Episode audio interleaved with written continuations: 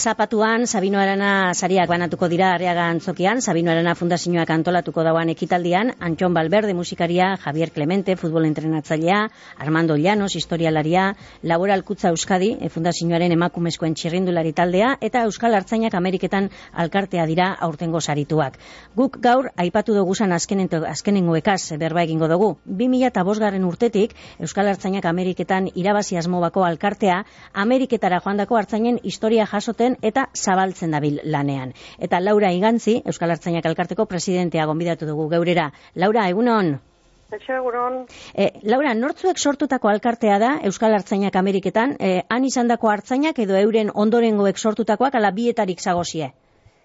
Ba, ipatu duzu bezala bietarik. E, 2000 eta bostean e, nene unea nintzen gaia mugitzen lezakan, nera itarekin, eta gero ja 2006an ba, bueno, ba, pensatu genuen besta pixko bat zabaltzea eta bertakoei gonbidatu ba, ondoko herrikoei eta gure e, deia ba, iparraldea araño iritsi zen eta bueno, urtearetan bosteun persona bildu ginen lezakan, bostziriak malerreka baztan erroaldea eta iparraldea bankaldetikan donibane garazi bankaldetikan ba, ba, etorri ziren, eta, bueno, ba, urte hartan bizitu ziren momentuak eta sentimentuak eta denak hartu zuten alaitasuna ikusirik, ba, bidea jarraitzen e, pensatu nun.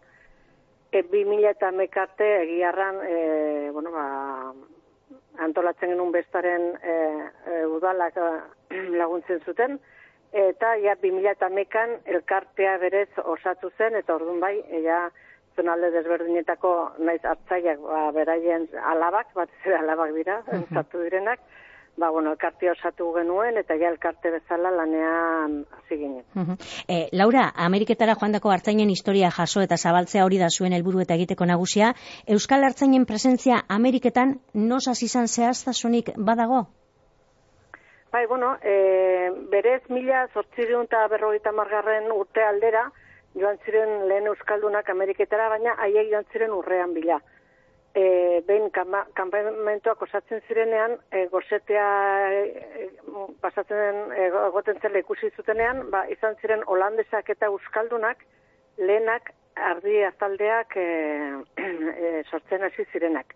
Eta gero kanpamentu hori e, tokiz mugitu batzenean edo, hartaldeiek mugitu barra ziren, orduan hor hasi ziren lehenengo deiak etxeetara, bai endia laguntzera joan zeden. E, orduan, hor dugu mila bederatzi garren urten inguruan, lehenengo mm, ikusten dena mugimentua e, Ameriketara. E, eta gero ja, guk batez ere gure e, elkartean daudenak, dira mila bederatzi eta hogei garren urtetikan gora, ba, joan zirenak, hor ja deialdi masibo bat izan zen, eta zenbait herri, gaztetaz e, ba, ustu ziren, eh, denak Ameriketara jaten zirelako.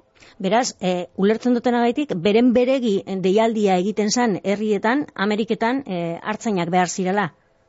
Hori da, hori da, beti, e, norbe, ba, adibidez nire aitzaren kasuan, bera irabazun igantzi herritikan mila zortzirun e, bukaeran osaba bat Ameriketara joana, elko nebadara, eta haren deia jarraituz ba ok hiruan aiak e, joan ziren. Ba bazut bazekitelako nora joan ziren bazutela han ja referente bat eta hori ikusten da hondiz zonaldeka antzinetik e, nora joan ziren herri hoietakoak arat joaten ziren gehienak. Orduan zonaldeka ba baztan aldetikan eta ikusten da hondiz California aldera, Malerreka, Wyoming, Lesakan, Esakan bertan gehienak joan ziren Elko Nevadara edo Ili Nevadara, e, bizkaitarrak e, aida jora, e, bueno, ba, ba, badiro horrela ikusten da argi, e, deiak e, zerri aldera egenak ziren.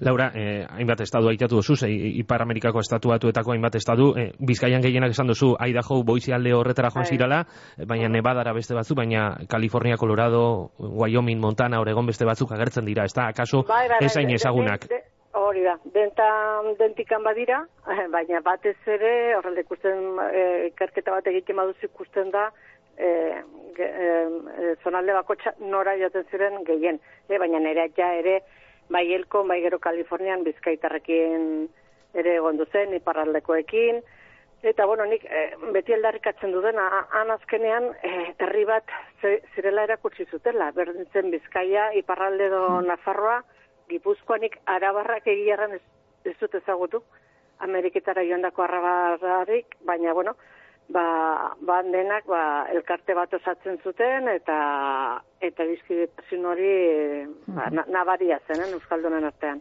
Laura, eh, asko izan ziran, nik ez dakit, zentzorik badagoan edo inoz, eh, zentzorik egiteko ale eginetan eh, azitakoak sarien?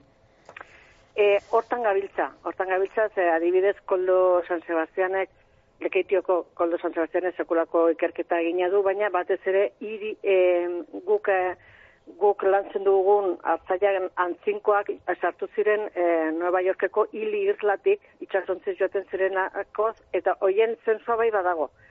Ze hili irlatik ateratzen alda. Baina ja guk, e, guk lantzen ari garen hartzaia hauena ez dago dokumento fisiko orduan haundiz da hau eta joan herriz herriz eta eta zerrendak osatzen ez orduan.